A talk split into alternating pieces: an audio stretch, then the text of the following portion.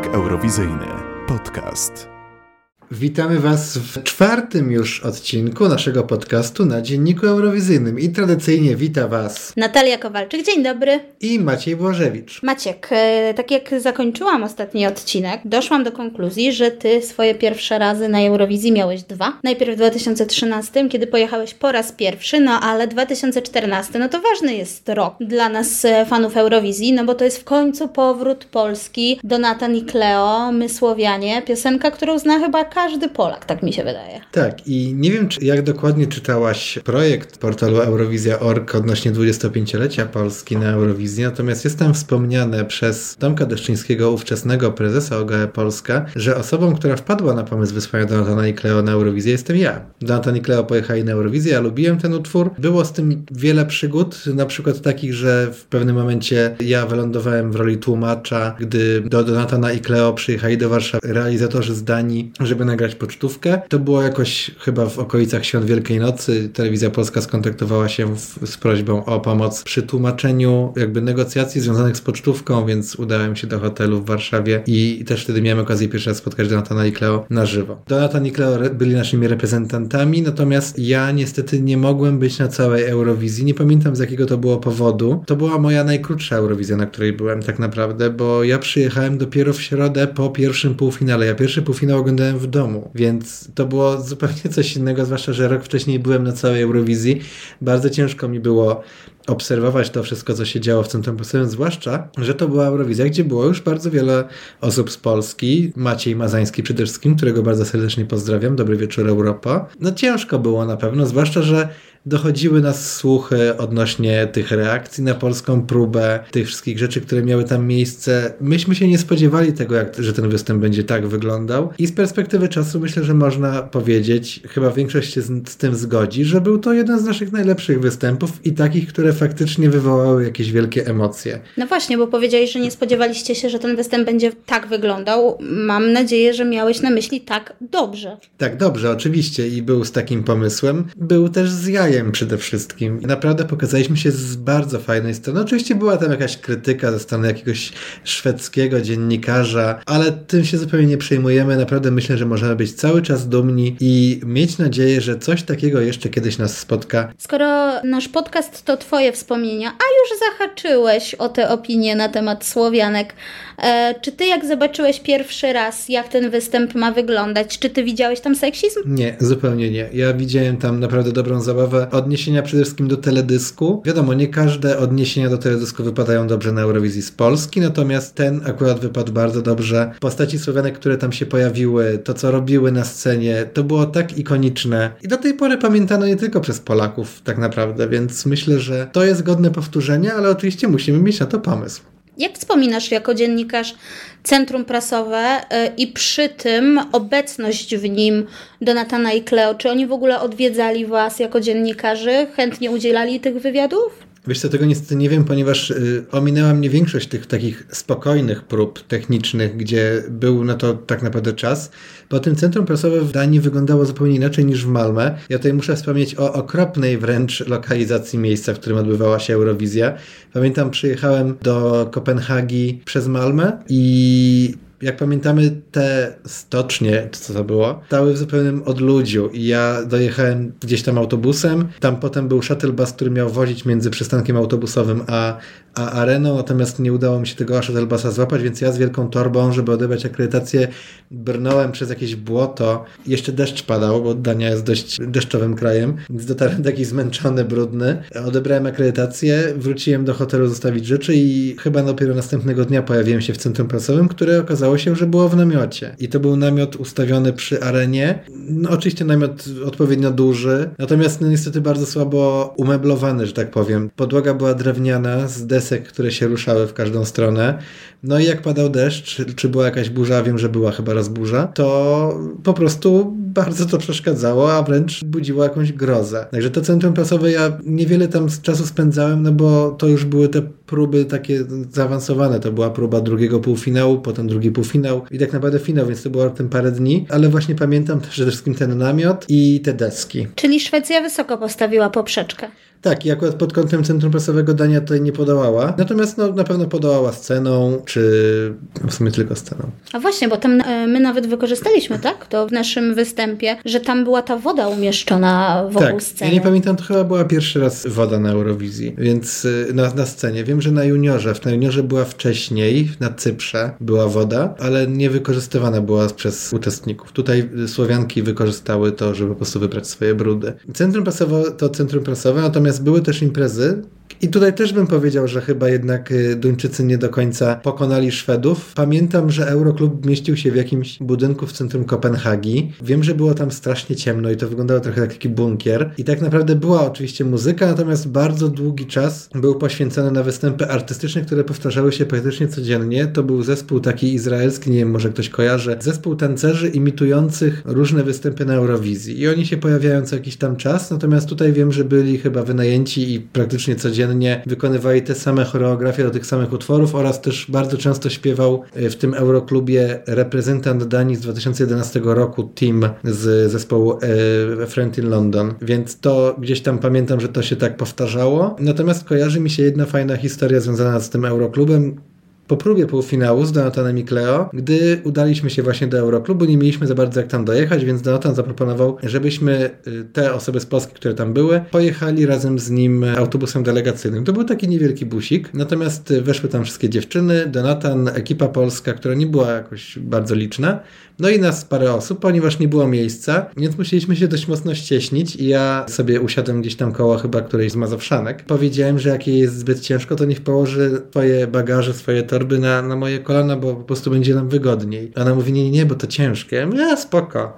A to się okazało, że to był ten jej kostium, który ważył około 30 kg. W związku z tym poczułem się trochę przytłoczony naszym polskim folkiem. Czy ty kojarzysz, żeby Donatan i Cleo występowali na jakichś imprezach towarzyszących? Czy ktoś ich zapraszał na jakieś swoje, nie wiem, Balkan Party? Tak, to było Balkan Party. Impreza organizowana chyba przez Czarnogórę, w związku z tym, że Czarnogóra no, wtedy poczuła się silnie. Kojarzę, że było zdjęcie Sergieja Cietkowicza z naszymi Słowiankami. Ale to tylko tyle. Niestety ja nie brałem udziału w imprezach towarzyszących, ponieważ te imprezy są głównie w pierwszym tygodniu. No dobrze, ale przyjeżdżasz w końcu, spóźniony, bo spóźniony, no ale na swoją drugą Eurowizję, pierwszą, gdzie możesz kibicować Polsce i pierwszy raz widzisz ich występ. Czy to była próba, czy to był półfinał. Jakie to są emocje, kiedy po raz pierwszy możesz tam z miejsca kibicować się swojemu krajowi? Znaczy, wiesz co, na pewno bardzo duże, ale to też nie wynika z tego, że to była Polska. To po prostu był występ, który mi się podobał i utwór, który bardzo lubię. Zresztą miałem miałem fragment tego utworu kiedyś na dzwonku w telefonie, więc jak najbardziej miałem po prostu potrzebę kibicowania. Nie zawsze tak jest, jeżeli chodzi o reprezentantów Polski. Natomiast w tym przypadku naprawdę bardzo liczyłem na całą ekipę. No i się nie przeliczyłem, bo reakcje na ten występ były naprawdę wspaniałe. To, co się działo w centrum prasowym podczas występu Donatana i Cleo, no to, to było coś, co właśnie pamiętam do tej pory i, i coś, co później tak naprawdę dopiero się okazało, że jest co roku, czyli te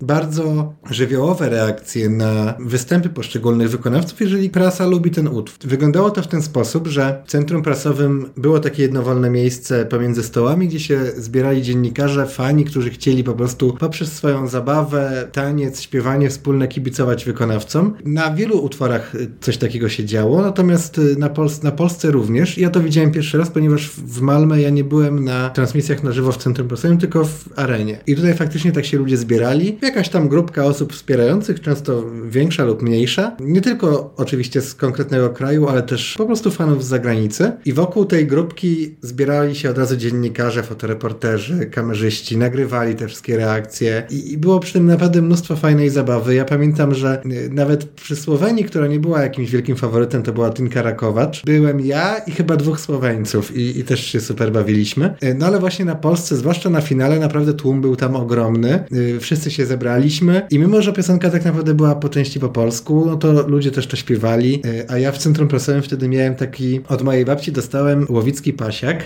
to jest taka jakby sukienka, ale pół. Z jednej strony jakby jest tylko sznurek, a z drugiej jest taki bardzo długi materiał w stylu łowickim. E, I to gdzieś mi się skojarzyło z Donatanem i Cleo i zabrałem to do e, Kopenhagi i pamiętam miałem coś takiego i tam gdzieś sobie tam tańczyłem i, i dostawałem brawa i to było takie śmieszne. I podszedł do mnie prezenter konferencji prasowych Meet and ten grid y, z Kopenhagi i spytał się skąd to jest. Ja mówię, że to jest od mojej babci, że my tak, tak kultywujemy tą kulturę, chociaż ja to z łowicką kulturą nie mam nic wspólnego, ale poprosił, żeby, żebym mu to dał do zdjęcia. Sobie to przepasał i ma takie zdjęcie, mam z nim zdjęcie, yy, gdzie on jest z tym łowickim pasiakiem. My tam narobiliśmy rumoru i głośno było o Polsce, ale opowiadaj o Koncicie. Czy ty miałeś okazję ją poznać, czy miałeś okazję z nią rozmawiać? Jaka była reakcja w ogóle? Bo to, no bo jednak Concita no, stała się w tym roku, w tamtym roku, no takim jednym z symboli Eurowizji. Nie, Concity nie spotkałem wtedy w Kopenhadze. Yy, no ja bardzo jej kibicowałem od samego początku i ja się bardzo cieszyłem z tego, że wygrała. Natomiast no oczywiście to też później miało wpływ trochę na mój powrót. Po Eurowizji nie było tego PED, o którym rozmawialiśmy ostatnio, yy, tylko była taka wściekłość na to wszystko, co spotkało mnie, czy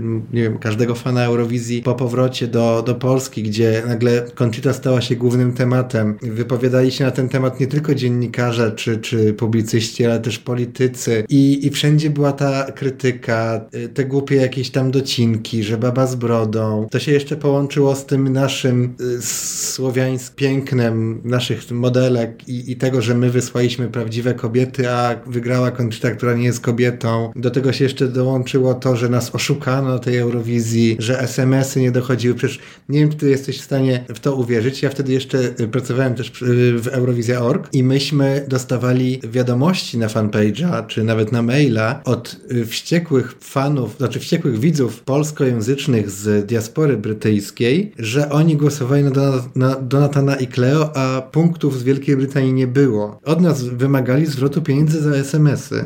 Żartujesz. I to po prostu ta, ta cała atmosfera po prostu była tak dla mnie nie do przyjęcia i tak zupełnie nielogiczna z perspektywy fana. Też mnie to bardzo bolało, że cały konkurs, który był naprawdę bardzo fajny i fajnie się go oglądało, był super wyprodukowany. Wszystko się tak naprawdę prowadziło do dyskusji na temat ideologii, na temat Conchity, tych wszystkich docinków, że o, teraz musimy wysłać Michała Szpaka albo kogoś innego podobnego do, do Conchity z wizerunku. No i wykrakali. Wykrakali Szpaka, ale no i właśnie też te, te wszystkie y, tematy związane z Polską i z tym, że zostaliśmy oszukani, że mogliśmy być wyżej, a byliśmy nisko. Okej, okay, tak ja rozumiem, że były y, kraje, które faktycznie gdzieś tam manipulowały tymi wynikami pod kątem y, głosów publiczności i jurorów. Przecież były sytuacje, gdzie większość państw, które mm, mają jakąś tam silną diasporę polską, y, Wielka Brytania, Norwegia, Holandia, Belgia, dawały nas bardzo nisko w głosowaniu jurorskim, bo wiedziały, że będziemy bardzo wysoko w televotingu. To się udało w półfinale, bo tam było mniej krajów i wtedy te punkty gdzieś tam nam się spływały, natomiast tego się już nie udało zrobić w finale, gdzie jednak krajów było znacznie więcej niż tych, które możemy y, obdarować punktami po wyliczeniu tej średniej i tej, tej top dziesiątki. Te takie niestety emocje negatywne mi, mi się kojarzą z Eurowizją w Kopenhadze i gdzieś tam mocno to przebolałem, no bo gdzieś zawsze staram się być takim obrońcą konkursów, czy wśród moich znajomych, czy, czy w rodzinie, no ale tutaj niestety ten hejt na, na Conchitę był tak ogromny też w polskich mediach, no, no to było dla mnie jakby zupełnie nie do przyjęcia. Ja pamiętam moja matka, która też była strasznie zdegustowana wynikiem Eurowizji 2014 i, i powiedziała, żebym już nigdy na to nie jeździł, bo to jest straszne. Pamiętam, przyjechałem do Gdańska, oczywiście nasłuchałem się na ten temat strasznie dużo. Położyłem gdzieś tam na stole oficjalny program Eurowizji, który przywiozłem z Kopenhagi. To jeden z moich jedynych prezentów, które tam dostałem. No i moja matka sobie tam usiadła, przegląda te y, zdjęcia. Oczywiście zatrzymała się na zdjęciu Conchity, takim bardzo ładnym zdjęciu Conchity, z, chyba to była okładka singla i tak patrzy, tak jakby dotyka ręką tej brody, czy to prawdziwe, czy nieprawdziwe. Jakby ja wiem, że jest to może trudne do zrozumienia dla, nie, dla, dla niektórych y, ludzi w, w naszym społeczeństwie, natomiast cieszyłem się bardzo ze zwycięstwa i to na pewno był jakiś duży krok w historii konkursu. A ogólnie y, Dani jako organizatora wspominasz dobrze, bo no jednak tutaj dużo negatywów padło pod względem centrum prasowego, a pod względem organizacji całego show? Wiesz co, to jest trochę jak w przypadku naszej y, nieszczęsnej Francji. Jeżeli chodzi o obrazek, tak. Jeżeli chodzi o to wszystko, co się działo za kulisami, właśnie centrum prasowe, Euroklub, błoto, to, to, to jakby gdzieś tam nie do końca mi się podobało, ale mówię, ja byłem też tam bardzo krótko. Podejrzewam, że gdybym był tam dłużej, zdążyłbym się do tego przyzwyczaić i na pewno bym odkrył znacznie więcej y, pozytywów. Ale pamiętam jedną bardzo ładną historię, gdzie jechaliśmy sobie, jechałem na półfinał do, do, do tego miejsca, gdzie się odbywała Eurowizja. Tam przechodziłem na piechotę jakiś kawałek i to była y, taka brzydka była pogoda, tam w ogóle była brzydka pogoda strasznie. Przez cały czas jakby jak tam spacerowałem, to miałem w głowie tą okropną piosenkę z Malty i tak sobie mówiłem, kurczę, no nie mogę tego nucić, bo to przecież wejdzie zaraz do półfinału i będę potem zły na siebie, że to gdzieś wykrakałem sobie y, i chciałem nucić Polskę i bałem się o ten awans Polski faktycznie, no bo gdzieś nie było to takie pewne. Z tego co pamiętam, mogło się to spodobać lub nie. Przestało padać i przed samym wejściem do centrum prasowego zobaczyłem taką ogromną tęczę i to był taki jakiś znak, nie wiem, przymierza, że tak, teraz w końcu jest ten czas, kiedy my po wielu latach ucisku, stawania w półfinale, nieobecności na Eurowizji, nagle uda nam się wejść do tego półfinału. No i faktycznie reakcja moja na awans była zarejestrowana, natomiast nie wiem, czy ktoś ma jeszcze to wideo. Nagrał to y, jeden chłopak z OGAE i to była taka scena, gdzie ja byłem ubrany w jakiś dres, taką bluzę dresową biało-czerwoną i stałem obok Jędrzeja. Jędrzej już prawie zjadł całą flagę z, z nerwów i nagle jest Polska i po prostu rzuciliśmy się sobie w ramiona i to było takie, no, no dużo jest takich fajnych emocji z tym związanych. Pamiętam drugi raz taką samą emocję i radość miałem z awansu Kasi Moś. Tutaj akurat pamiętam taką sytuację, że no oczywiście bardzo się ucieszyłem z, z tego awansu. E, byłem taki z tego zadowolony, że się udało, zwłaszcza, że Kasię Moś też e, miałem okazję prywatnie poznać i bardzo jej kibicowałem też prywatnie. Podszedłem do, do moich Serbów, akurat wtedy Serbowie nie awansowali do finału. Yy, oczywiście mi gratulowali i ja pamiętam, że się popłakałem po prostu z tych wszystkich emocji. To było takie, takie fajne i no za to też kocham Eurowizję i kocham tam być, żeby móc takie emocje przeżywać. A ta przerwa, kiedy nie było nas na Eurowizji, żeby później powrócić z taką wielką mocą, była według Ciebie potrzebna? Wiesz co, nie, przerwa nigdy nie jest potrzebna. Ja uważam, że mogliśmy wystąpić zarówno w Baku, jak i w Malmę.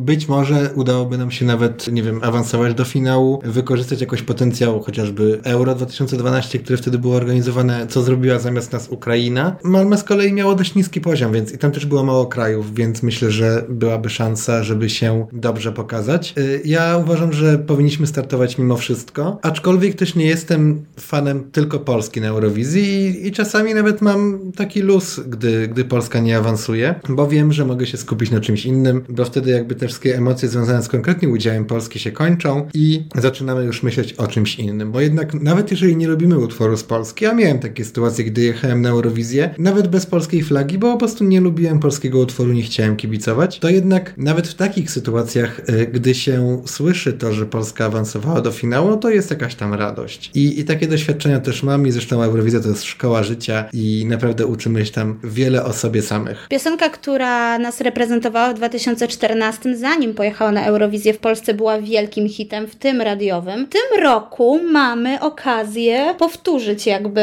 sposób tego wyboru, bo być może, robi się głośno o krajowych preselekcjach, więc wracamy do tego tematu, e, będzie nas reprezentował radiowy hit. Mówię tutaj o Darii i Paranoid. I czy dla Ciebie to był dobry wybór wtedy i czy może to być dobry wybór teraz? Ja wiem, co Ty chcesz mnie tutaj sprowokować, ale się nie dam, gdyż jest ogromna różnica między utworem radiowym, który jest jednym z faworytów w tegorocznych preselekcjach, a utworem y, Donatana i Kleo Mysłowienie, który był grany w radiach. Ja nie postrzegam tego zupełnie jako radiówki. Dla mnie to jest utwór autentyczny, dobrze wyprodukowany, czerpiący z naszej polskiej kultury i takiego utworu, do którego chce się wracać i który nie jest tłem do jazdy samochodem, bo tutaj jest jakaś historia za tym. Ja y, tego nie widzę w utworze, o którym mówimy teraz, jeżeli chodzi o tegoroczne preselekcje do Eurowizji. Ja jednak stawiam bardziej na no ten pakiet cały, tak? ja tego pakietu nie widzę w przypadku tej konkretnej uczestniczki, widzę go w przypadku innego uczestnika i pewnie za niego będę bardziej trzymał kciuki. Więc oczywiście Nathan i Cleo byli świetnym wyborem wtedy, to był hit, wszyscy to znali, natomiast nie wydaje mi się, żeby to było tak samo traktowane teraz, gdybyśmy wysłali utwór, o którym myślisz. Bardzo Ci dziękuję za tą rozmowę i za wspominki. A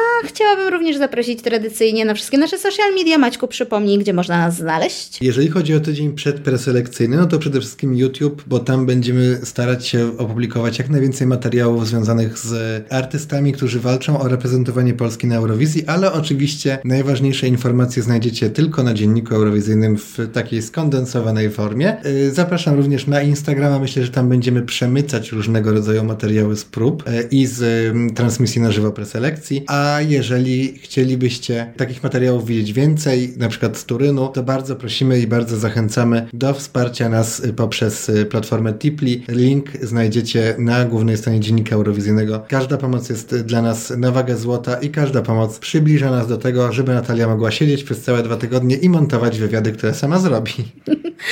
Dziękujemy bardzo. To tyle na dzisiaj. Do usłyszenia za tydzień. Cześć. Cześć.